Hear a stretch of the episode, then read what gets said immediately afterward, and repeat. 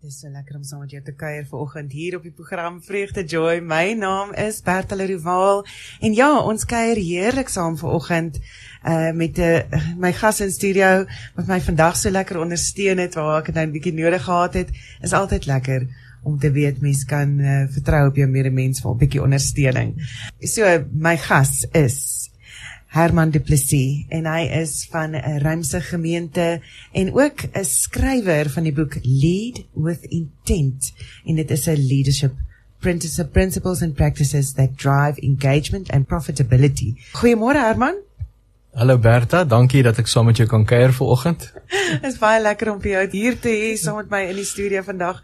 Regtig vir my seën gewees jou rustige ehm um, rustige atmosfeer hierso van wat jy vir my gegee het terwyl ek hande in die lug rondhardloop. Ja, wat kan 'n mens doen, jy weet? ek sit maar net hier en kyk hoe jy alles reg kry. net met die Here se hulp. jy het hierdie boek geskryf en net onder ek wil nou sommer net dit wat jy nou vir my genoem het hy nou 'n goue stiker gaan hy nou op. Ja nee, so ons het uh hy's nou 'n topverkoper bestseller status gekry, so ons uh, uitgewers het ons laat weet. So uh, ja, hy gaan nou 'n uh, hopelik 'n vet goue stiker opkry met die volgende batch wat geprint word. wat is wonderlik, wel ek wil net sê van my kant af baie baie geluk en van Radio Kansel se kant af, dit is wonderlik. Ja, nee, dat, baie uh, dankie. Ja. En ek wil ook dankie sê vir Radio Kansel want toe die boek gepubliseer was initieel, jy weet, het julle ook die boek ondersteun en hy doen verskriklik goed onder, jy weet, kerke en en en die Christene in die land. Ek dink omdat die beginsels van die boek maar gebaseer is op die lewe van Jesus ook, jy weet. Absoluut. Absoluut. Dit is dit is hoe ons moet werk. Ja. Ek vra vir al my gaste gewoonlik hierdie vraag, so ek sal ook nou met die deur in die huis val. Hoe het jou verhouding met die Here begin? Daar het jy besef het, wow, hierdie is nie net my hart en omgee nie. Hierdie is dit hierdie is die tyd wat ek vir hom kan sê, Here, ek en hmm. U is in 'n verhouding. Dit gaan nie net oor kerk nie en alle ander dinge nie. Dit gaan eintlik tussen jou en hom. Hmm. Ja, ek dink soos meeste Afrikaanse seuns, het ek groot geword in 'n uh, 'n tradisionele uh, NG Kerk en ek dink wat ehm um, uh wat dit goed was vir my is ek het die woord leer ken. Uh, ek dink dit was vir my 'n goeie getuienis om te sien hoe ander mense die Here dien in in in die NG Kerk. So ek is aangeneem in die NG Kerk en uh, ek het deur al die ehm um, deur die tradisionele prosesse gegaan. En dit was vir my 'n goeie fondasie. En ek dink wat my baie gehelp het was my ouer huis waar wat baie stabiel was en 'n ma en pa wat lief was vir ons, maar ook lief was vir mekaar en ek dink dit help nogal as dit kom by om God te vertrou en dat hy liefdevol is. Ek dink ons ouers speel 'n groot rol. Maar ek was toe uh as 'n tweedejaars student by die Universiteit van Johannesburg was ek genooi na 'n stranddiens toe in Richards Bay. En ons het daar in die karavaanpark gebly en ons het mense daar bedien.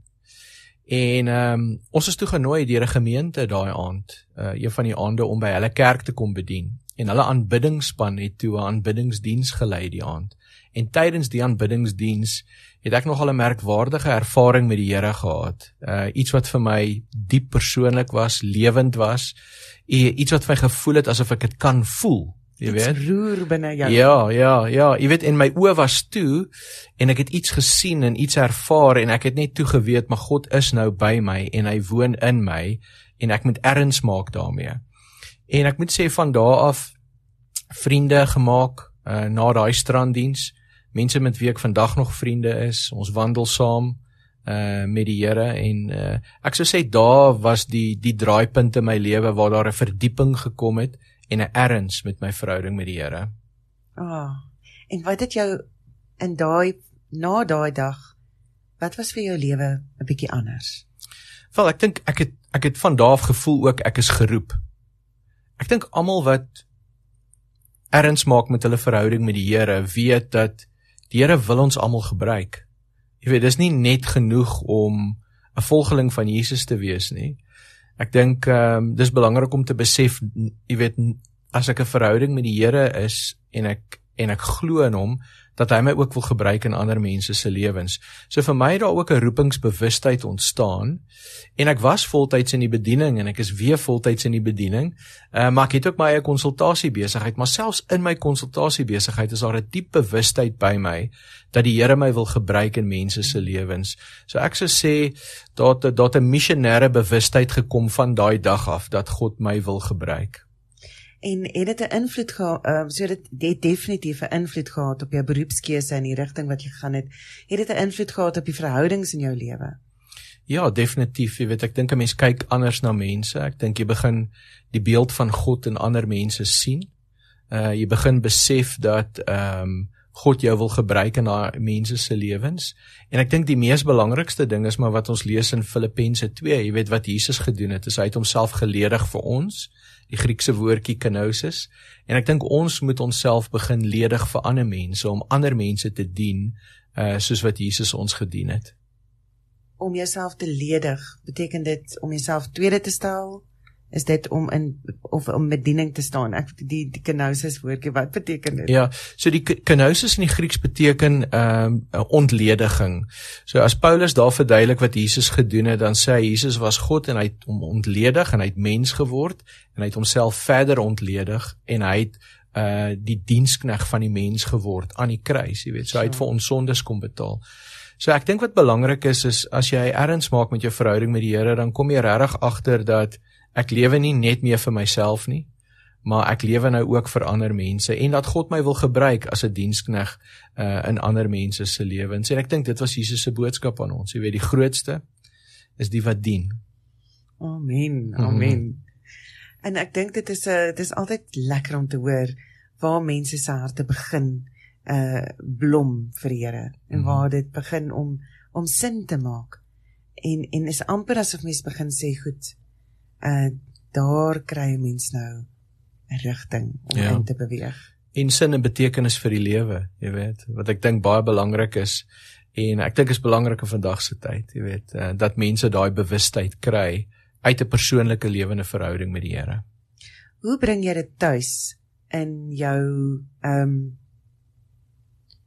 Hoe bring jy dit tuis in jou lewe om elke dag daardie verhouding te laat groei en ontwikkel? Wel, ek dink dit uh, dit gaan oor jou jou dissiplines, jy weet. Ehm um, ek dink die die dissiplines wat ons volg is ehm um, is wat bepaal uh jy weet wat ons word en en hoe ons ons lewens leef. So ek dink dit is nogal belangrik om te besef. Dit gaan baie oor ehm um, hoe ek my lewe inrig, uh die dissiplines wat ek in plek sit. Uh jy weet jy het nou vanoggend begin om te praat oor die woord, jy weet. Ek hmm. ek dink wat verskriklik belangrik is is Ehm um, ons het die woord van God ontvang vir 'n rede, jy weet, om ons te orienteer en te laat verstaan uh, wat God se wil is vir ons en God se wil vir hierdie wêreld.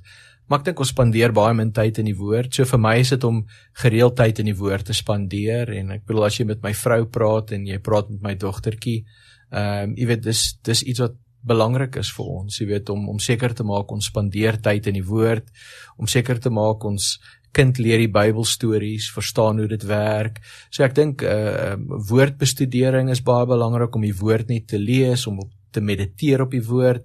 En dan dink ek ook tye in gebed, tye in aanbidding.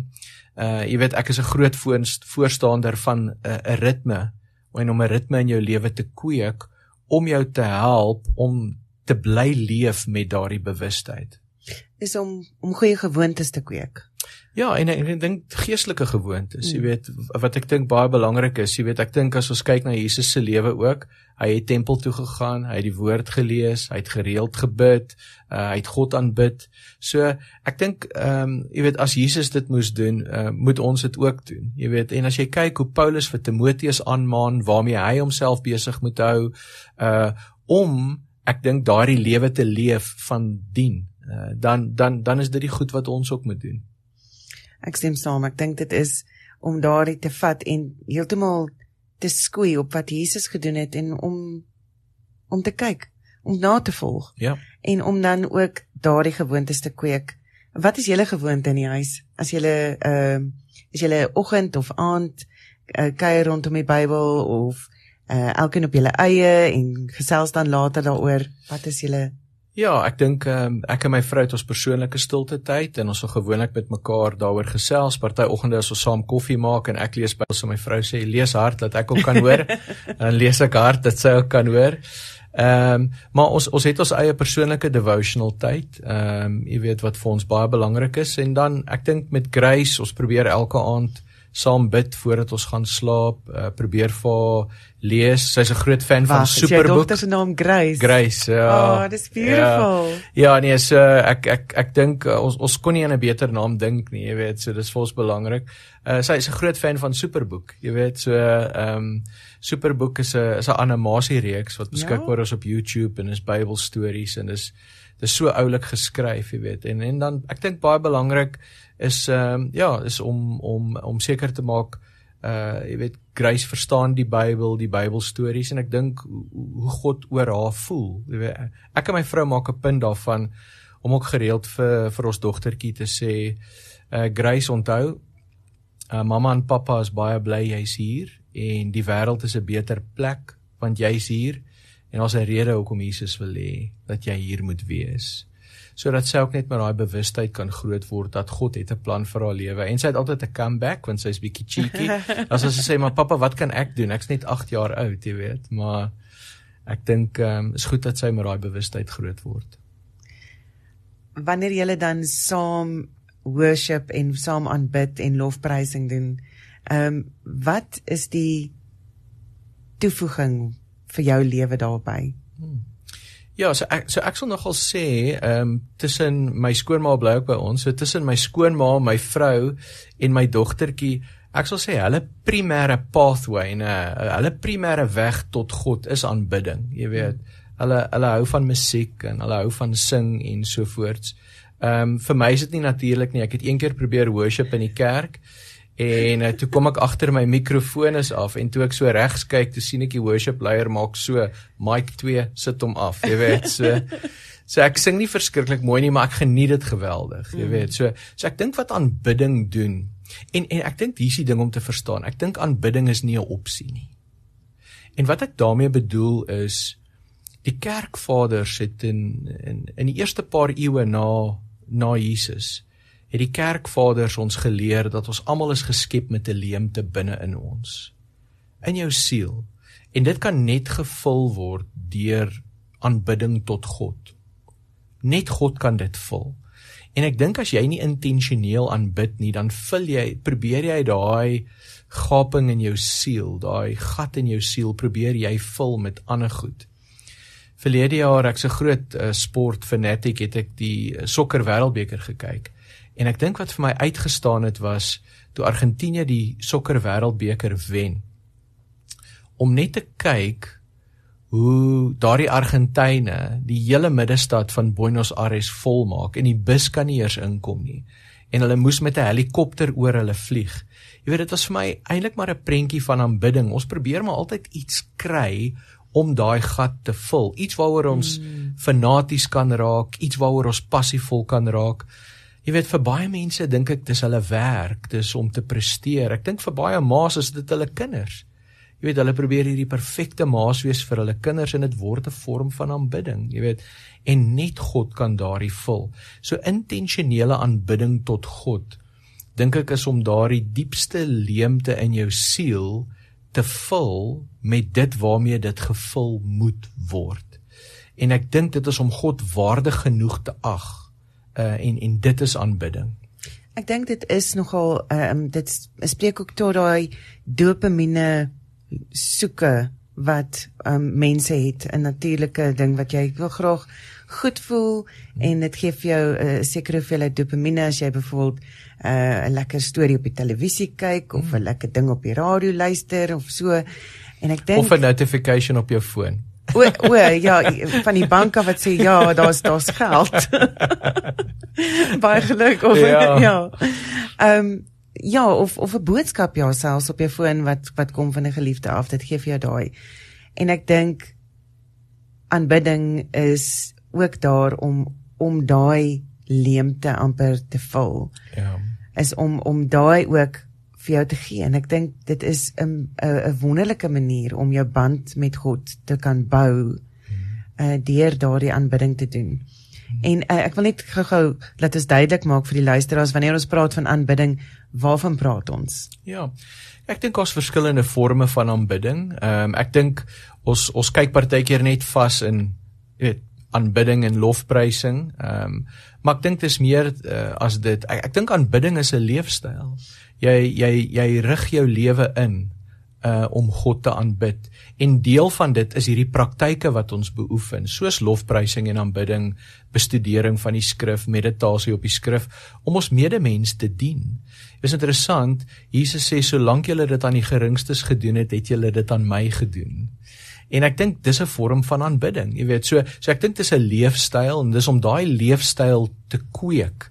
Nou ek dink lofprysing en aanbidding help daarmee. Mm. Want al voel ek nie ek wil nie, al is ek nie in die by om te aanbid nie, om kerk toe te gaan of om na 'n uh, aanbiddingsgeleentheid toe te gaan of net na 'n plek toe te gaan waar ek luister na God se woord en waar dit gelees word. Baie van die praktyke is meer kontemplatief, maar ek dink om om net daar te kom en dit te beoefen. Ek dink na die tyd voel 'n ou gewoonlik baie beter en uh jy weet dan is jy ook bly jy het dit gedoen want jy kan die impak voel wat dit maak in jou lewe. Dink jy dit is dit met daardie met lofprysing en aanbidding is is daai wat ons die Engelse beskryf dit in een woord, hulle sê worship. Mm. Ehm um, en is dit dis amper asof dit skoon was. Dit gee jou geleentheid net om weer asem te haal binne in God se woord. Mm. En selfs al staan jy net en luister hoe ander mense sing of ander mense en jy neem die woorde in, jy laat dit oor jou spoel.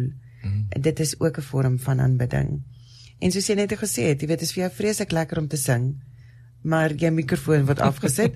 so dis oukei. Okay. Sing mm. uit volle bors. God gee nie om nie. Ja. Hy weet wat sy stem hy vir jou gegee het. is dan mos dan nie. Uh weet hy weet en hy hoor jou en hy hoor die liefde in jou stem. Ja. Hy hoor nie dalk die die verskille in toonhoogtes wat jy uh uitbring nie. Um en dan ook dieselfde met ek ek het baie keer nog 'n worsteling met myself in die in die wanneer ek sing. Uh en dan sing ek en dan dan wil ek nou harmoniseer. Dit is my vreeslik lekker mm. om te mm. harmoniseer. En dan harmoniseer ek en dan o oh, nee, dan sit nie reg nie dan so dit is daai speletjie ook in my kop wat aan afgaan maar dit is vir my lekker. Mm -hmm. En dit is ook vir my 'n 'n 'n ervaring wat deel is van die worship. Ja. En dit maak my ook mooi luister na die woorde. Mm. Uh want dan is dit weet jy, jy maak reg daarvoor dit is 'n ander manier. So daar's ek dink elke persoon het 'n het 'n persoonlike aanslag tot ehm um, tot lofprysing en aanbidding. Mm. En ek dink jy raak nou 'n belangrike ding aan. Baie keer onthou die goed wat ons sing, dit kom uit die skrif uit. Uh jy weet so ons sing ook skrif en saam met dit bely ons eintlik maar wat ons glo. En ek dink dis hoekom dit so belangrik is om ag te slaan op die woorde wat ons sing, want dit is die woord wat ons saam bely. Ek dink 'n ander belangrike ding wat jy aangeraak het is ek dink is 'n wonderlike getuienis vir kinders om te sien hoe hulle ouens aan ag hulle ouers aanbid jy weet en uh, en uh, ongelukkig wat kerke baie keer doen is ons kom Sondag bymekaar en split ons die gesin op jy weet. Ouers hierso kinders daarso tieners daarso. En dit is belangrik. Ek dink ons moet op 'n gepaste manier kinders bedien en tieners bedien. Maar ek dink so nou en dan jy weet bring almal bymekaar as gesinne dat die kinders ook kan sien hoe aanbid my ma en pa die Here aan die kerk in die kerk jy weet wat ek dink verskriklik belangrik is. Ek dink dit is ek de, ons ons gemeente uh doen dit sodat hulle die die kinders ehm um, bedien op uh in hulle in hulle taal en en almal werk op hulle uh, spasies maar dan is daar geleenthede wat ons bymekaar kan kom. Mm. En ehm um, ja, die een van daai geleenthede wat nou opkom vir ons is die ontwaak worship fees mm. wat ons gaan doen. En dit is uh ja, 4 tot 7 September wat wat wonderlike geleentheid is vir die kinders dan om die ouers te sien en ek dink uh, dan die ouers dink ook nee nee nee daar is nou vir die kinders en so aan mm. nee dit is nie hoe dit werk nie ek dink as ek onthou ek as ek dogtertjie in die kerk gesit het en kon sien daar staan my pa in hy's die oudeling of die diaken mm. hy was eers die diaken toe die oudeling en toe weet my ma sit langs ons en my uh res van my gesin is by ons en uh en dan daarna het ons dan nou weggebreek vir kinderkraans en mm. die ouers het sommer gaan koffie drink terwyl hulle net maar vir ons wag en so aan en daar's ook 'n en dan het ons nou die lekker liedjies gesing. Ja. Né? Nee?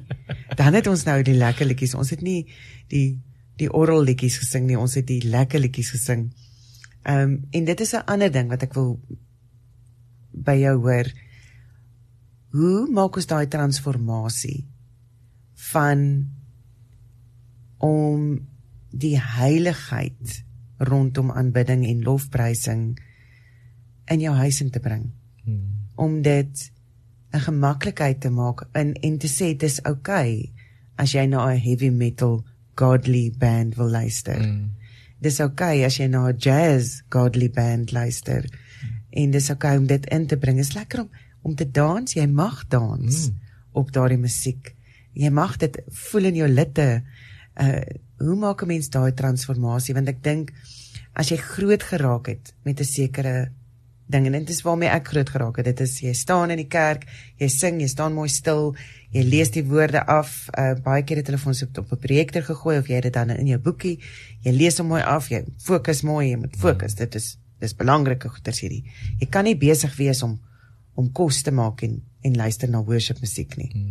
Jy kan nie besig wees om om in die kar te bestuur en en lekker te drive tot uh wel wie wie dit net gelyk Gert Couvert se se lekker hou vas. Mm. Jy weet jy kan nie jy kan nie dit doen nie. Jy moet dit bepaal tot 'n sekere area. Mm. En dis mm. waarmee ons groot geword het. Ja. Meeste van ons het daarmee groot geword. Ehm um, en ek dink hoe hoe kan ons dan op hierdie ouderdom want dit is nou makliker om vir die kinders te sê kyk dit is hoe dit te doen maar hoe mm. kan jy daai voorbeeld wees en daai transformasie maak. Ja. Ek dink wat belangrik is uh, Bertha is ons ons het groot ons het groot geword met dualisme. So hierdie is geestelike goed en hierdie is nie geestelike goed nie. Yes. En ek dink dis 'n groot probleem waarmee ons met ons kalvinistiese jy weet, uh, groot word in die Afrikaans mee sukkel. Jy weet, en ja, ek dink sekulêr en ons ja, geestelik. Ja, ja. En en ek dink as jy kyk na Jesus se lewe vir hom was alles geestelik. Jy weet, mm. alles was geestelik. Alles sy hele lewe was 'n geestelike lewe. Hy's die mees geestelikste persoon wat nog ooit gelewe het, maar tog het hy niemand geestelik geïntimideer nie. As jy kyk kyk na Lukas 15, die drie verhale van die verlore seun, die verlore muntstuk en die verlore skaap, die eerste vers sê die sondaars en die tollenaars het 'n gewoonte gehad om na Jesus te kom luister. Hulle was gemaklik by hom. En ek dink daar is daai daai intimiderende faktor partykeer as ons dink, ooh, dit is nou geestelik, jy weet. Maar ons sien dat Jesus dit nooit so gemodelleer het nie. Jy weet, inteendeel, hy was die mees toeganklikste persoon wat daar was. En die enigste ouens wat 'n probleem met Jesus gehad het, was die kerkmense van daai tyd, die fariseërs, want hy was 'n bedreiging vir hulle. So ek dink jy weet ons ons met hierdie uh dualistiese denke waarmee ons leef, moet ons die heeltyd veg want ek dink dit verhoed ons om 'n lewe van aanbidding te lei want ja. as ek nou besig is met dit, okay, dis nou nie geestelik nie. So hmm. God kan nie betrokke wees nie. God is in 'n geval daar, soos wat jy net gesê het. Hy is betrokke by alles in jou lewe, jy weet. En Ja, maar uh, tog dink ons hy is nie. Tog dink ons ja, nee, okay, nee, hier hier uh, in die badkamer is ek nou byvoorbeeld, uh, weet, hier is hy nie, hy is hier nie. Maar Bertha, dis en my Hy is hier waar ek nou beklei met die ou in die kar nie, hy is hier nie. Dis my definisie van ja. geestelike groei. Is ek dink hoe meer ons bewus raak van God se teenwoordigheid by ons, dis geestelike groei. Is om ons te help om die heeltyd bewus te wees dat God by ons is, want ek dink dit bepaal dan hoe jy leef. As jy weet Jesus sit langs jou in die kar, jy weet, as jy kwaad word uh in die verkeer of as jy weet, ja, Jesus is saam met my as ek nou een of ander sonde gaan pleeg en ek gaan droog maak. Jy weet, hoe tree jy dan op? Jy weet, hoe praat jy met jou kinders? Hoe praat jy met jou man en jou vrou? Ek dink dis verskriklik belangrik. Uh want onthou ons word soos ons word soos dit wat ons aanbid. Ehm uh, as ons God aanbid, word ons meer soos hy, jy weet. En as ons ander goed aanbid, dan word ons meer soos dit. En ek dink dit is verskriklik belangrik.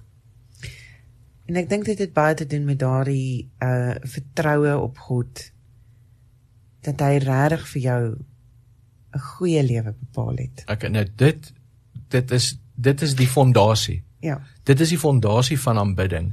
Jy sal slegs 'n God aanbid wat jy weet weet beter as jy.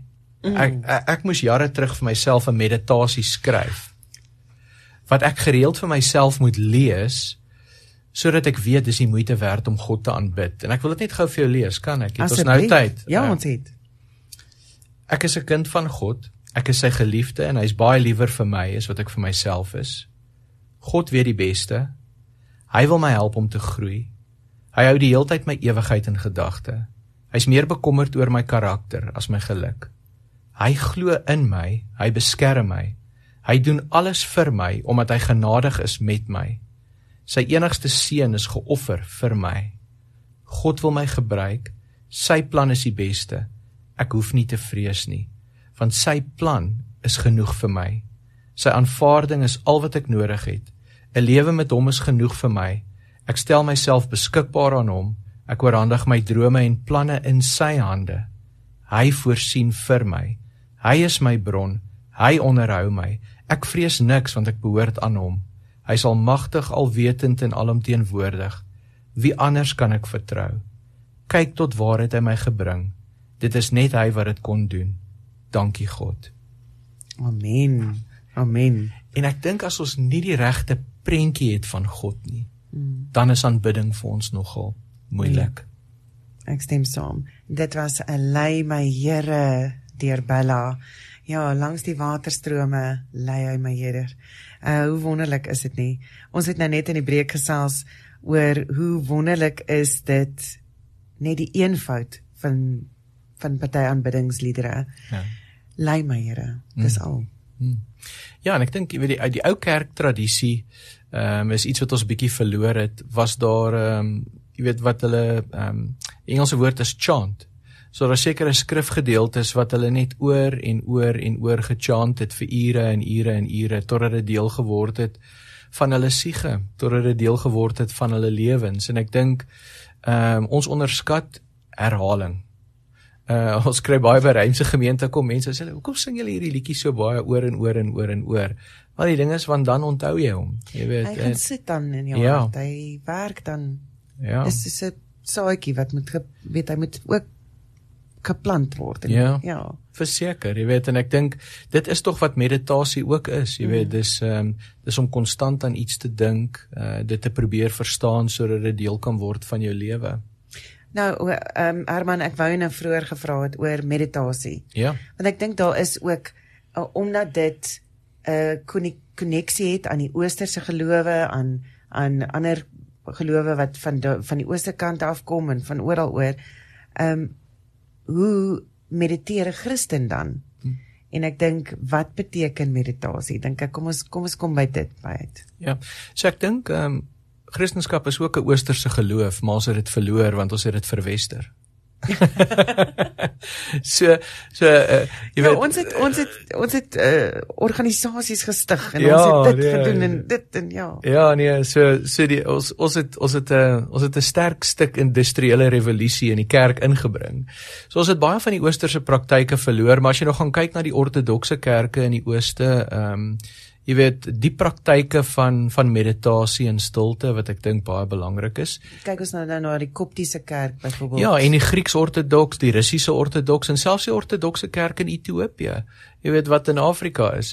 So ek dink ehm um, meditasie vir 'n Christen is om jouself te ledig en te vul met God se woord. Ehm um, en en ek dink dit is nogal belangrik om God se waarheid uh in jou lewe in te kry. En en dit beteken uh ek moet eers stil raak. Uh en dan moet ek 'n gedeelte skrif lees en dan moet ek stil sit. Ek moet dink daaroor hoe dit gelyk, hoe dit gevoel vir die mense dalk in die storie wat Jesus vertel. En dan weer teruggaan en weer lees en kyk wat val my op en partykeer is dit net 'n woord en om te sit met daai woord of jy dink eeg hoe die vrou gevoel uh toe hulle haar wou stenig omdat sy oorspel gepleeg het. So wat gaan deur haar kop terwyl sy daar lê en aan sy dink dis die einde van my lewe. En hier hoor sy hierdie sin. Jy weet, laat die een wat sonder sonde is die eerste klip gooi. So dit is wat meditasie vir 'n Christen beteken, is om myself leeg te maak, myself vol te maak met God se woord, nie net deur dit te lees nie, maar om regtig te sit met dit. En om dit te bedink. Ja, verseker. Na te dink en om dit te amper met jou hele wese aan te voel. Ja.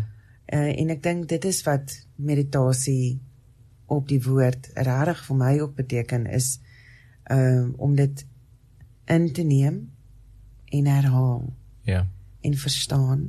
Ja. En dan uh, val iets anders jou by, weet iets iets wat die Heilige Gees dan by jou opbring en om te luister Mm. en te sê goed. En daai daai is om te sê dat hy oor en oor maal en ek dink ook wat so wonderlik is is dat dit die lewende woord is, dat dit altyd aan die gang bly. Ja. Ehm um, en daarom wanneer jy mediteer op woord, gee dit vir jou 'n groeiende antwoord. Nie net 'n stilstaande een nie. Ja, so jy, jy het my nou hulle dink in 'n teksgedeelte en dis Romeine 12 hoe ons ons denke vernuwe, mm. né? En is interessant, Paulus begin en dan sê hy ehm um, en nou doen ek 'n beroep op julle broers op grond van die groot ontferming van God. Gee julleself aan God as 'n lewende en heilige offer wat vir hom aanneemlik is. So ons moet onsself eers gee vir God. Dit is die wesenlike van die godsdiens wat jy moet beoefen en ons doen dit deur aanbidding. Dan sê hy, julle moenie aan hierdie sondige wêreld gelyk word nie, maar laat God julle verander deur julle denke te vernuwe. Dan sal julle ook kan onderskei wat die wil van God is, wat vir hom goed en aanneemlik is, volmaak is. En ek dink meditasie, gee, ja. ja. So jy gee jouself, neem God in en ek dink dit is wat die transformasie bring uh op op ons lewens en in ons lewens. Ja, om en om jouself beskikbaar te stel daartoe. Mm. En hierso sê Tilla, ehm um, Tinka sê ehm uh, môre vir my is dit moeilik om stil te staan as ek lofliedere sing of hoor. My arms en lyf begin weeg sodra ons ons heilige Here aanbid en met vreugde vir hom sing. Soms staan net so stil, sit uh, stil sit en luister na die Vader se hart. Mm. So daar's 'n ja, daar's daar's daar's nie 'n formule wat jy moet volg nie.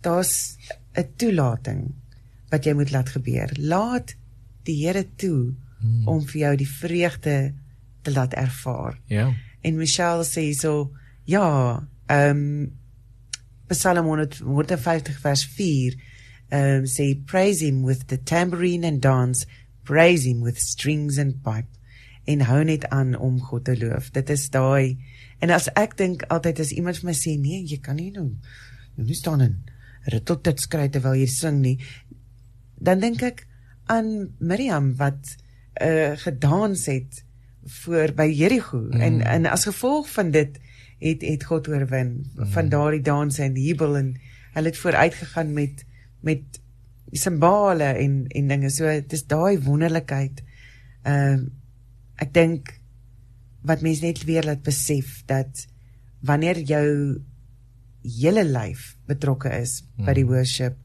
gebeur wonderwerke Ja. Ja. Ja, ek dink ons onder, ons onderskat partykeer die belangrikheid van ons liggame weer eens omdat ons dit sien en ons dink dualisties daarin en dis my liggaam, dis vlees. En ehm um, en daarom dink ons partykeer dis sleg, jy weet, maar jou liggaam is baie belangrike deel van aanbidding, jy weet. so so omdat omdat Paulus praat van vlees en gees, dink ek partykeer dink mense maar my liggaam is vlees, jy weet, en en, en dis nie belangrik nie, maar dit is verskriklik belangrik, jy weet.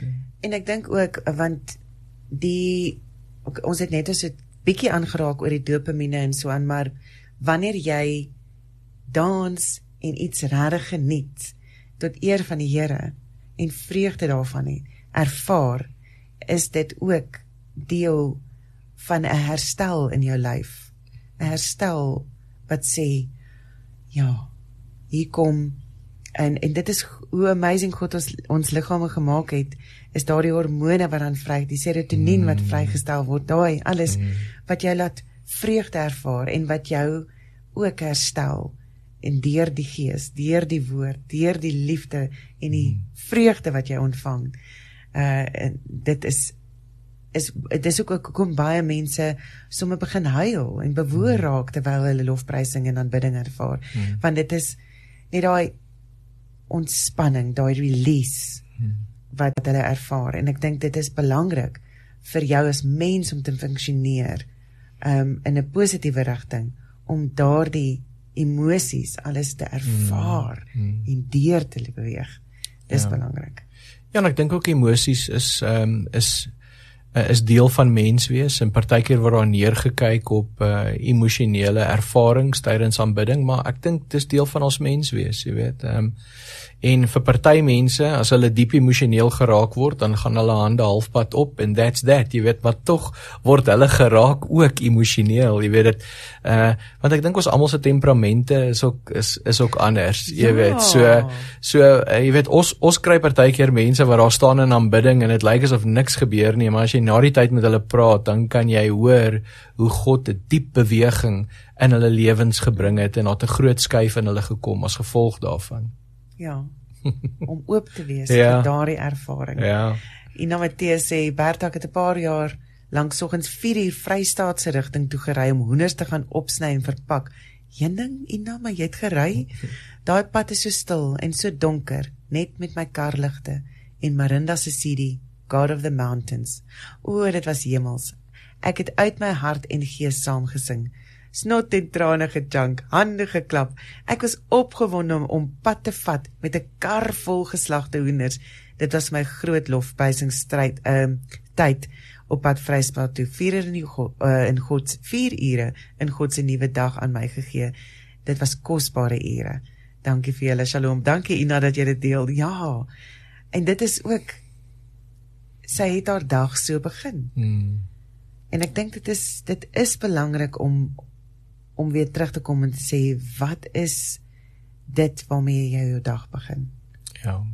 Kyk, ek dink jy kan dit nie mislees in die Bybel nie, né? Daar's iets van uh hoe begin jy jou dag? Mm. Uh en gewoonlik is dit voor sonop in die Bybel wat ons dit lees, maar daar's 'n dissipline om om 'n dag op te dra aan God. Jy weet, daar's 'n skrifgedeelte wat sê his mercies on you every morning. So elke dag is 'n nuwe dag. Dis dis 'n geskenk elke dag. En hoe begin ek daai dag saam met God en hoor by God wat is dit wat hy in hierdie dag in my lewe wil doen en deur my lewe wil doen? En dis aanbidding as ek gee myself oor aan hom. Dis net as ek myself oorgee aan hom. Jy weet God God forceer hom nie op ons nie. En ek dink ehm um, dit dis dis wat aanbidding so belangrik maak. Is uit ons vrye wil uit wat ons na hom toe gaan en hom aanbid. Ja, en ek dink ons ons moet onthou dat daar is nog steeds dissipline betrokke al is ons vry. Ja. Al het ons die keuses, moet jy nog steeds vir jouself daardie dissipline neerlê en sê goed, ek gaan dit is waar ek daagliks my my kos vir die, my siel gaan vind. Ja. En by die Here. Ehm um, en ek dink om elke dag daardie dissipline te hê, ja, jy gesels deurgangs met God. Ja, hy is die hele dag saam met jou. Maar sê dan vir hom môre. Mm. Sê dan vir hom goeiemôre. Ja. En daar is dis weer eens is daai bewustheid van God Berta en om met dit te leef, jy weet, want ek dink hoe meer ons leef met daai bewustheid, ek dink hoe belangriker. Daar's 'n wonderlike boekie wat Brother Lawrence geskryf het, Practicing the Presence of God. Mm. So, hoe oefen ek en jy om in die teenwoordigheid van God te wees? En oefening verg dissipline jy weet. Absoluut, absoluut. so daar's 'n oulike boekie of 'n konsep in in geestelike groei. Ons praat van training versus trying. Jy weet jy jy kan so hard probeer as wat jy wil om vandag die Comrades te hardloop. Jy gaan dit nie reg kry nie. Maar as jy lank genoeg oefen, elke dag 'n bietjie, dan gaan jy op 'n plek kom waar jy die Comrades kan hardloop, jy weet. So mm. hoe oefen ek en jy om in die teenwoordigheid van die God te van God te leef sodat dit 'n groter realiteit word van ons lewe? Sodat dit ja, sodat dit 'n 'n daadwerklike realiteit word vir ja. ons verder. En mens moet sê, ehm um, hulle wat ek glo wanneer ek begin huil in die gees en aanbidding dat God my skoon was. Mm. En ek stem saam. Ek dink dit is God se manier. God weet wat jy nodig het. Hy weet. Ja. Partykeers hou jy daai trane in. Ja. Partykeers het jy nodig om 'n bietjie te huil en dan laat hy daai oor jou spoel. Ja. Ehm um, jy's nou by Rymse gemeente betrokke en Herman, hoe kan 'n mens so 'n uh, julle het nou hierdie wonderlike fees bymekaar gesit, die ontwaak worship fees. En ek wil by jou hoor hoe besluit julle om so iets aan mekaar te sit? Uh en as weet as as daar nou van julle is wat luister en dink, "O, oh, dit sal nogal lekker wees." Maar hoe benader 'n mens daai die reëlings rondom dit en en ehm um, hoe besluit 'n mens wat om te sing. Mm. Ja, ek ek dink wat vir ons belangrik is is ons het agtergekom ehm um, jy weet in in in die tyd wat ons leef uh dat mense ehm um, het vergeet dat aanbidding is iets wat ek intentioneel moet doen. Uh dit is 'n opoffering wat ek maak uh aan God. En ek dink ons um, ons ons het in die begin van die jaar toe ons droom oor die jaar vir die gemeente het ons besef ons wil 'n week skep waar ons onsself intentioneel toewy aan die Here en onsself net weer voor hom bring en ons lewens opoffer aan hom en oorgee aan hom. So ons het gedink, okay, jy weet hoe hoe kan ons aan temas werk om om dit te uh, te laat ehm uh, gebeur? En ons het besluit om op die eerste aand uh, van die aanbiddingsfees, die 4de te fokus basies op God as die outeur en die ontwerper van jou lewe. En ek dink dis dis wat ons moet besef. As dit kom by aanbidding, ons gaan na die persoon toe wat ons geskape het, wat ons geskep het. Ehm um, hy het besluit ons moet hier wees in hierdie venster van geskiedenis. So wat beteken dit vir ons? Uh die tweede aand gaan ons fokus op God wat oorwin het. En ek dink dis nogal belangrik vir 'n gelowige om te besef God het reeds oorwin. En hoe lewe ek saam met God in sy oorwinning? Die derde aand is God is die outeur en hy het oorwin, maar dis belangrik dat jy dit ontvang. En hoe ontvang ek 'n lewe saam met God? En hoe ontvang ek sy genade, sy liefde en dit wat hy vir my gedoen het in my lewe? Ek dink altyd aan daai storie van die ryk jong man, jy weet hy kon nie hy kon nie laat gaan nie, so sy hande het toegebly. Hy kon nie sy hande oopmaak om te ontvang dit wat Jesus vir hom gee nie. En ek dink ontvang beteken jy maak jou hande oop en jy laat gaan wat daar is of jy gee wat daar is. Exactly en jy ontvang wat God vir jou het, jy weet. En dan die laaste aand is ons tema ontwaak. Uh Paulus skryf in Efesiërs 5 vers 14 ontwaak jy wat slaap en sluimer en Christus sal oor jou skyn. En dis wat aanbidding vir ons doen, is ons word wakker vir God se teenwoordigheid. Ons word wakker vir die realiteit van God en ons word wakker dat God ons wil gebruik en 'n verskil deur ons wil maak in die samelewing. So al die liede wat ons kies, al die aanbiddingspraktyke fokus dan spesifiek uh elke aand op daardie temas en dit gaan vir ons ook regtig om mense te bedien. Jy weet, ek dink as mense op 'n plek is waar hulle werklik hoop nodig het, jy weet dan dan dink ek is hulle welkom om saam met ons te kom aanbid. Ehm um, ons gaan elke aand mense bedien, vir mense bid. Uh, ons het nagmaal wat ons bedien. So dit is net vir ons ehm uh, 'n uh, week van aanbidding waar ons onsself oorgee aan die Here as gemeente en is 'n nuwe seisoen, dis lente. So ons gaan dit 'n jaarlikse instelling maak in die gemeente om Ooh, dit klink wonderlik. Ja, om elke jaar die eerste week van lente net onsself weer te uh, uh hercommit tot die Here ja. en dat sy wil sal geskied in ons lewens. En ek dink dis uh dit is wonderlik so die uh, Rymse gemeente is daar in die Wesrand mm. en hierdie gaan dan plaasvind by die dan dit sal nou die nuwe Rymse gemeente area wees, ja. kerkgemeente wees, ja. maar uh heidaglik ken mense dit as Usambara of die ou heel stick, heel snacks. Ja, ja, Mount Usambara, die ou heel snacks. Ja. ja. Maar as jy nou op Google gaan, sal jy sien dit is nou Rymse uh, gemeente, ja. Ooh, wow. ja. Ek kan sommer die vreugde en die opgewondenheid hoor borrel van jou kant af. Ja. En ek dink dit is wat aansteeklik is om om sulke aande te kan geniet uh, saam met jou gemeenskap. Ja. Om mekaar so te kan inspireer. Ja. Uh hierso sê Janine ook sy sê elke môre as ek in die veld gaan stap met my honde is kosbaar.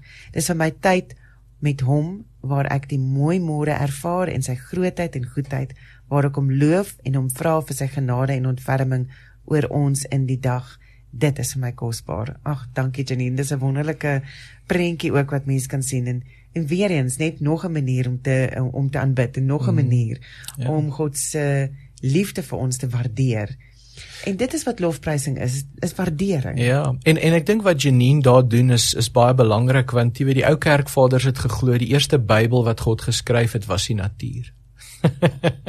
so sy gaan loop in die natuur en sy ervaar God daar. Dis sy eerste Bybel. Ek bedoel is net merkwaardig. Ek het die laaste 3 weke met met 'n groep leiers gewerk in die Waterberge en ehm um, dis net ongelooflik. Die diere, die veld, die bosveld, die voëls.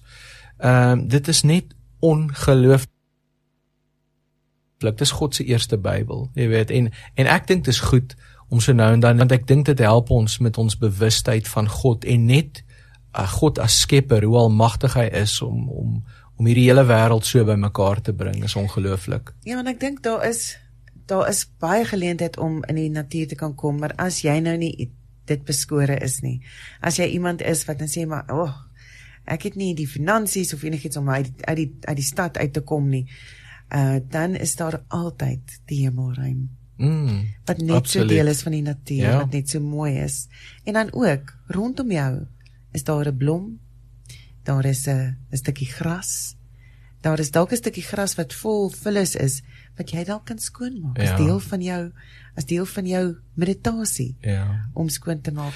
Maar Bertha, weet jy wat jy nou noem is vir my so belangrik want dit is verwondering. Mm. En ek dink ons verloor dit. Hoe ouer ons word, hoe meer sinies word ons.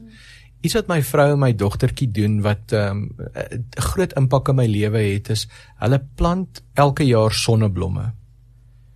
Nou dit is 'n wonder hoe daai klein saadjie so 'n magtige blom kan word. En ek dink dit is nogal belangrik uh om om sulke goed te doen en om net te sien hoe God alles bymekaar bring en en hoe dit werk. Uh is ongelooflik as jy sien hoe daai sonneblom elke dag 'n bietjie groei en hoe hy lewe kry uit die grond uit, jy weet. Dit is iets wat ek dink met al die biologie en wetenskap wat ons nie lekker verstaan nie. Ja. dit is dit is amazing en ek party ek, eh, party mense plan dit mos so dat jy kan sien wat aan die kant aangaan. ja. Dis ook nogal dan kan jy sien na 'n verloop van tyd hoe die worteltjies groei, hoe dit al daai en ek dink dit is ja, die verwondering. verwondering. Dis dis dit, weet jy. Ek dink aanbidding help ons daarmee om dit nie te verloor nie. Ja. Ehm um, kom ons uh, luister gou weer na iemand wat vir ons 'n bietjie gaan laat verwonder in die Here want Jan de Wet wat vir ons gaan sing daar staan 'n kruis en dan uh, daarna wil ons weer bietjie nog meer gesels oor ontwaking en ja die sluimer en die slaap van watse ontwaking gaan ons ontwaak En ja, ons soos ons vanoggend gesels hier op die program Vreugde Joy, gesels ons met Herman Du Plessis van Rymse Gemeente en ons gesels oor daardie lofprysing, daardie aanbidding en in watse verskillende tipe forme dit vir ons almal aanneem. Maar ek dink hoe belangrik dit is om dit te doen en om dit saam met jou gemeenskap te doen. En ons het vroeër ook gepraat van ons kinders wat dit moet sien en dat hulle ook moet sien hoe dit gebeur. En en dit is ook belangrik. En ja, julle het nou hierdie wonderlike geleentheid waar almal in die Wesrand kan kom en kom luister en kom worship saam met julle en dit is die 4de tot die 7de September. Uh en dit gaan so kwart voor 7 tot 8 uur in die aand wees. Dus dis Ja, ja, eintlik met- vir my baie vinnig, dis spoedig. Ja, so ons begin eintlik al 6uur, maar daar's food trucks en lekker kos en daar gaan lekker koffie wees wat mense kan kom koop en lekker saam kuier voor die tyd. Sy gemeenskap ervaar da- voor die tyd ja, lekker. verseker, ja. En dan ons ons gaan so kwart voor 7 begin en uh, die rede hoekom ons ehm um, jy weet die die program redelik kort hou is dit tussen die week. Mm. Jy weet, so ons wil graag hê mense moet by die huis kom En ons wil die kinders kan en saambring. ons wil kinders saambring want mm. ons wil jy sê die kinders moet deel wees van hierdie ervaring, jy weet. So dis maar dis maar hoekom ons besluit het nie te lank nie. nie te lank nie, nie te lank nie, maar kort nee, wel, dis nie kort nie, dis lank genoeg, maar kragtig. Ja. Nee? ja. Kyk, ons daar's min mense wat uh wat so aanbiddingsfiks is. Jy weet dat hulle dis waar. dat hulle dat hulle 'n hele uur lank. Ons gaan nie die hele uur lank staan en sing nie. Ons gaan kyk na die woord. Daar's ander praktyke wat ons saam beoefen. Ons gaan nagmaal bedien. So Nou, mense bedien, mense wat, gaan wat 'n ander praktyke praat jy nou van? Nee, ons klink- gaan dit o- klink nee, ons gaan vreemd. ons gaan saam tyd in stilte spandeer. Ons gaan die woord saam lees. Ehm um, ons gaan mense bid. Uh ons gaan mense seën en salf, jy weet, vir hulle besighede, Mm. siekes. So ons gaan almal net opdra aan die Here. Mm, familie, Yep. liefde, vreugde. Dis hy. Lekker. Uh en en dan het jy die vier temas wat jy nou van, van genoem het, die venster van geskiedenis waar ons nou is. Ja. En ek dink dit is ons het nou 'n bietjie in die breek gesels, dit is belangrik om te besef dat ja, jy is gemaak vir 'n tyd soos die. Dis hy. Jy is gemaak vir hierdie tyd soos die Ja. waarin jy is. Ja. En God wil jou nou gebruik. Jy weet, hy het jou ontwerp en geskape. Uh en hy is die outeur van jou storie. Jy weet, skryf dit saam met hom. Ek dink dis belangrik. En dis hoekom ons daar wil afskop. As ons nie met daai bewustheid uh, die week begin nie, dan dink ek uh, is ons reeds op die verkeerde spoor. Mm, die belangrikheid van om te besef dat dit is jy is waar jy moet wees. Ja. Jy is Ja. waar jy moet wees. Want soms sien ek dan dink ek kan sê ek, "Jo, sou nou maar lekker gewees het as ek nou ehm uh, in hierdie tydperk dalk gelewe het." Ja. Jy weet hoeveel makliker en en simpeler sal die Engelse sê was lewe gewees. Ja. weet eenvoudiger was die lewe gewees en uh toe my ouma gebore was, jy weet, kan, kan ek nie maar in daai tyd gelewe het nie. Ehm, Bertha, almal sê almal praat altyd van die goeie ou dae. Die goeie ou dae, nee. maar kan ek net vir jou sê, ek Sê. wil nie na 'n tandarts toe gaan Uh, uh. van die goeie ou dae nie. so ek's bly, ek's bly ons mediese het verbeter en hulle kan ons beter help. Dis absoluut die waarheid. Jy weet ons het lekker vanoggend het uh, het uh, hulle op die radio gepraat van op op die radiokanse gepraat oor jy moet dankbaar wees. Jy moet Mm. dankbaar wees vir waar jy is en waar jy is en ek sê dink dis een van die dinge Ja. waar ons moet besef. Kom ons wees uh kom ons los die what ifs, wat as. Mm. As is verbrande hout. Nou my ma gesê het en Ja, en ook die if onlys as ons net nie die foute gemaak het wat ons gemaak het nie, jy weet, ons almal maak hulle. Maar God is 'n recycler. Hy herwin alles en laat dit ten goeie meewerk, jy weet. En dis die goeie nuus, jy weet. ek love dit. Ja. Hy is 'n recycler. Hy herwin alles en laat dit te goeie meewerk. En dit is ook, ek dink vir jou om dit te kan doen om te sê, "Wel, goed. Hierdie het nou met my gebeur. Dit was nie lekker nie, dis nie goed nie, maar ek kies om dit te herwin Mm. en dit te goeie om die goeie wat God laat meewerk het raak te sien. Ja, ja. Kyk, daar's daar's 'n daar's 'n ou ehm 'n ou tradisie uh en en oortuiging wat al vir jare in die kerk is, is dit partykeer lê jou grootste roeping in jou grootste pyn. En ehm um, ons ons wil weghardloop van pyn af. Ons Mm. raak kwaad vir God vir ons pyn. Maar die realiteit is God gebruik pyn. Hy herwin dit in ons lewens. Hy werk met ons deur die pyn. Hy is daar saam met ons. Ehm um, hy het gelei aan die kruis. Hy verstaan lyding baie baie goed. So is belangrik om hom deel te maak van alles sodat hy dit kan herwin en dit ten goeie kan laat meewerk. Alles ten goeie kan laat meewerk. Amen, ja. amen. En dan die tweede dag praat ons oor God is reed God het reeds oorwin. Hy het reeds oorwin aan die kruis, jy weet. Hy het alles oorwin. Jesus bemoedig sy disippels en sê ek het die wêreld reeds oorwin. Hou goeie moed. Ja. Hou goeie moed en ek dink dit is ook ons hoef nie in oorlog in te gaan. Mm, Uh ons moet eerder in God se liefde ingaan. ja. Uh want God het reeds oorwin. Ja. En hy het opgestaan. Dis die grootste oorwinning van alles. Jy weet tot dood het nie meer 'n houvas op ons nie. So daar is niks wat ons mee hoef te vrees nie. Hy het werklik oorwin. En hoe lyk 'n opstandingslewe? Hoe lyk dit om 'n opstandingslewe te leef? Jy weet, dis die belangrikste uh, uh dag op die Christelike kalender is Paas Sondag, die opstanding. Jy weet, want dit het alles verander en dit het vir eens en vir altyd die vraag beantwoord: kan hierdie wêreld 'n beter plek word? En dit kan. Dit kan verseker. Ja. En ek dink dit kom ook waar ons daardie aan aanvaar God het oorwin. Hy het reeds alles in plek gesit. Ons hoef nie bang te wees vir mense nie. Ons hoef nie bang te wees vir TV-kanale nie. Niks nie. Ons hoef nie bang te wees vir radiostasies nie. Ons hoef nie bang te wees vir Politiese enig- ideologie nie. ideologie nie. Ja. Al daai tipe van goed. Ons hoef nie daarvoor te bang want God het reeds oorwin. Ja. En dit is 'n groter prentjie as net die uh topical en uh, wat die topiese area waar jy bly. Hmm. Dis 'n groter prentjie as dit. Ja. Ja. Weet jy, weet jy wat my fascinerend is, ehm um, my besigheid doen konsultasiewerk vir geopende deure. So hulle werk met Christene wat vervolg word Ja. reg oor die wêreld. En ehm um, ons praat nou die dag met die bestuurende direkteur en sy sê vir ons as hulle met mense werk in Jemen of in Pakistan of in Indië waar daar nou baie vervolging is van Christene, hulle vra nooit vir die vervolging om op te hou nie. Sjoe.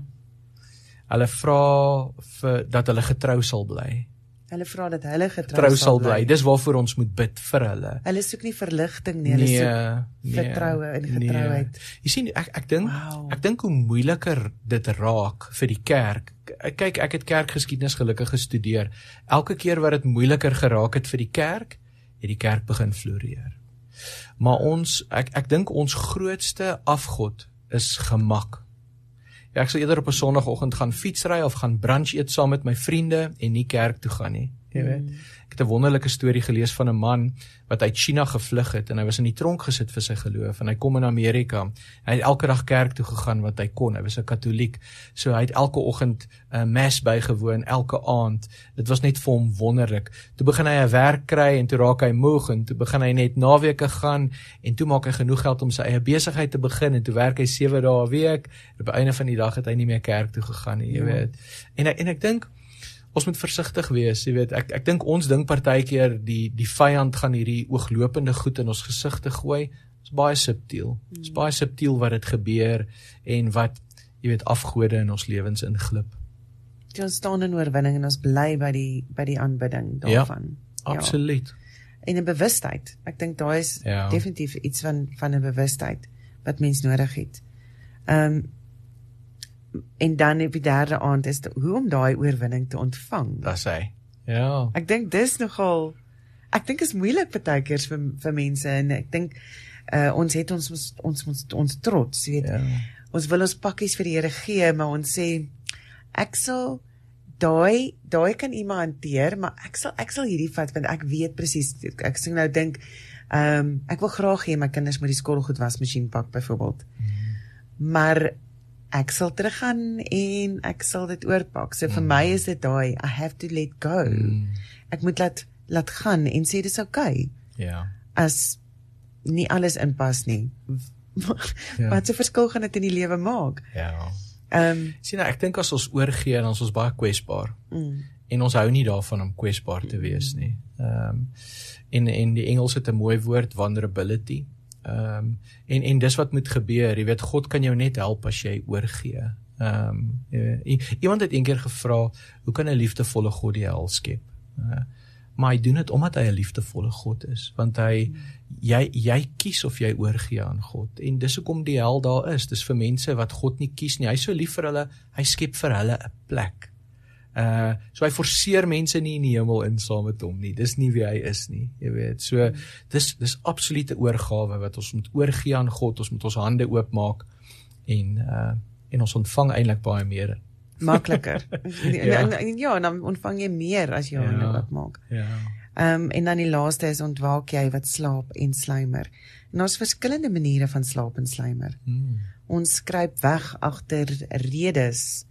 Ehm um, ons skryp uh, skryp weg, uh, en ek dink iets wat ek nou nogal vind is mense kruip weg agter die hele ding van ehm um, dis nie hoe my prentjie lyk nie. Mm. Dis nie hoe my prentjie wat ek graag wil hê wat weet hoekom moet ek nou dit doen? Mm. Hoekom moet ek dit doen sodat ek verlossing kan ontvang? Dis mos nou net verniet. Ja. So hoe hoe daai slymer in slaap. Uh, hoekom moet ek van my tyd opoffer? Hoekom moet ek hoekom? Daar's 'n baie uh, hoekom uh, dink van nee, maar ek wil nou nie weet dit dit- wat jy net gesê het van die gemaklikheid. Dis nie vir my gemaklik nie. Jy sien ons is verbruikers. Ons is geprogrammeer deur hierdie wêreld as jy's 'n verbruiker, so dit maak jou die belangrikste. So jou behoeftes is sentraal. So jy moet alles doen en almal bemark hulle goed aan jou want hulle sê hulle kan jou behoeftes op die beste vervul. En dis waar, daar's wonderlike besighede daar buite en hulle kan ons help met ons behoeftes. Maar ek dink dit eh, dit het 'n impak op ons geloof want ons gaan na God toe as verbruikers dan. God, ek wil hê jy moet dit dit en dit vir my doen en as dit nie werk vir my nie, dan werk dit nie. So en ons moet wakker word want ek dink nie, jy weet, dit is hoe ons God uh nader nie. Ehm um, en uh, en en ontwaking is 'n proses. Dis iets wat die heeltyd moet gebeur. Is nie net iets wat een keer gebeur en dan sit verby nie. En ek dink dis hoekom Paulus ons in Efesiërs aanmoedig om konstant te ontwaak tot God, sy teenwoordigheid, sy werking in ons lewens en in ons gemeenskap. En ehm um, ja, en om om nie moed te verloor nie. Jy weet God God is God, hy's in 'n geval in beheer. hy is in beheer. Hy hy weet wat hy moet doen. Ja, hy is nie bang vir China of wie ook al nie. Jy weet, uh, hy ehm um, hy weet wat hy doen. En hy sal jou plaas op die plek waar jy moet wees. Ja, daar's hy. Ja. Sy.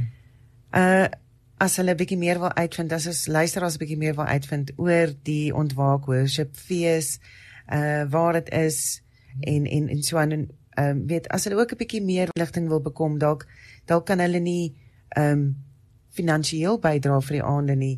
Ehm uh, weet as hulle da, dan kan hulle met julle in kontak tree by by by uh, by ruimsig.com. Ja. info@ruimsig.com stuur 'n e-pos en ja, kyk. stuur 'n e-pos vir ons by info@ruimsig.com en dan ons het 'n ons het 'n webblad vir die worship fees, dis ruimsig.com uh, /ontwaak. Ontwaak. Ja, dan kan jy meer inligting oor die worship fees daarso kry.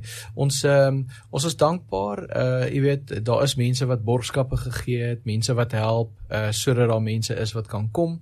So dis wonderlik. Ehm um, jy weet, maar daar is meer inligting daarso uh op op die webtuiste oor die hele fees. Absoluut. Gaan kyk 'n bietjie daarso, vind 'n bietjie meer uit. En ja, ons wil jou graag vind bemoedig as nou nie by hierdie worship fees is nie. Daar's soveel soveel geleenthede. Ek weet daar's 'n gospel fees in Tanin wat begin. Ek weet daar's in die in die Kaap is daar weer 'n fees. Hierso het iemand nou vanoggend weer gesê 'n worship fees wat kom ehm um, en waar is daai? Ek kan nou sien waar is dit? In Soweto is daar 'n worship fees wat kom. So daar is soveel geleenthede. Gaan vind die geleentheid waar God jou hart kan bedien. Ehm um, en waar jy kan soos ek gesê het uit liefde uit dis jou manier om ook net terug te gee vir die Here. Ja. Lofprys en aanbidding. Ja, ja. Nee, ek dink dis ek dink dis baie belangrik. Uh, ek dink ehm um, ja, ek dink ek dink dis 'n commitment, dis 'n toewyding uh van jou lewe uh, aan die Here en ehm um, Ja, en en en ek's ek's opgewonde oor die aanbiddingsleiers, jy weet, wat wat opstaan reg oor die land, jy weet, en ehm um, en ek dink daar daar's 'n nuwe generasie wat die nuwe generasie ook gaan lei in aanbidding wat my uh, baie baie opgewonde maak. Hmm. Amen. Amen. So, uh een laaste laaste woordjies van 'n uh, bemoediging vir ons luisteraars vanoggend van Herman Du Plessis. Wel, ek sal sê gaan lees 1 Korintiërs 15. Uh Paulus skryf 'n hele hoofstuk oor die opstanding en dat ons kan lewe in oorwinning en dat ons niks hoef te vrees nie en dat die wêreld van daai dag af heeltemal verander het en dat ons uh, deel kan wees van God se plan. Amen. Ek stem. Wees deel van God se plan. Vind waar jou plekkie is. Sê. En um, om dit te kan vind, dink ek maak jouself oop. Maak Ja. jouself beskikbaar vir wat God vir jou wil wil doen. Ja. Want jou lewe van voorspoed. En dit is geestelike voorspoed. Uh wonderlike liefdelike voorspoed lê vir jou voor. Hmm. Dankie vir al die luister uh, luisteraars. Dankie almal. Baie dankie vir jou boodskappe. En uh, ja, dankie dat julle almal saam met ons kon kuier het ver oggend hier op die program Vreugde Joy. Uh Weereens as jy bietjie meer inligting wil uitvind oor 'n Rymse gemeente as sulks, gaan besoek hulle gerus by www.rymsig.com. So dit is rymsig.com. En dan kan jy dit sommer lekker maklik om te onthou. Mhm. En dan kan jy 'n bietjie meer daar gaan uitvind oor die ontwaakfees.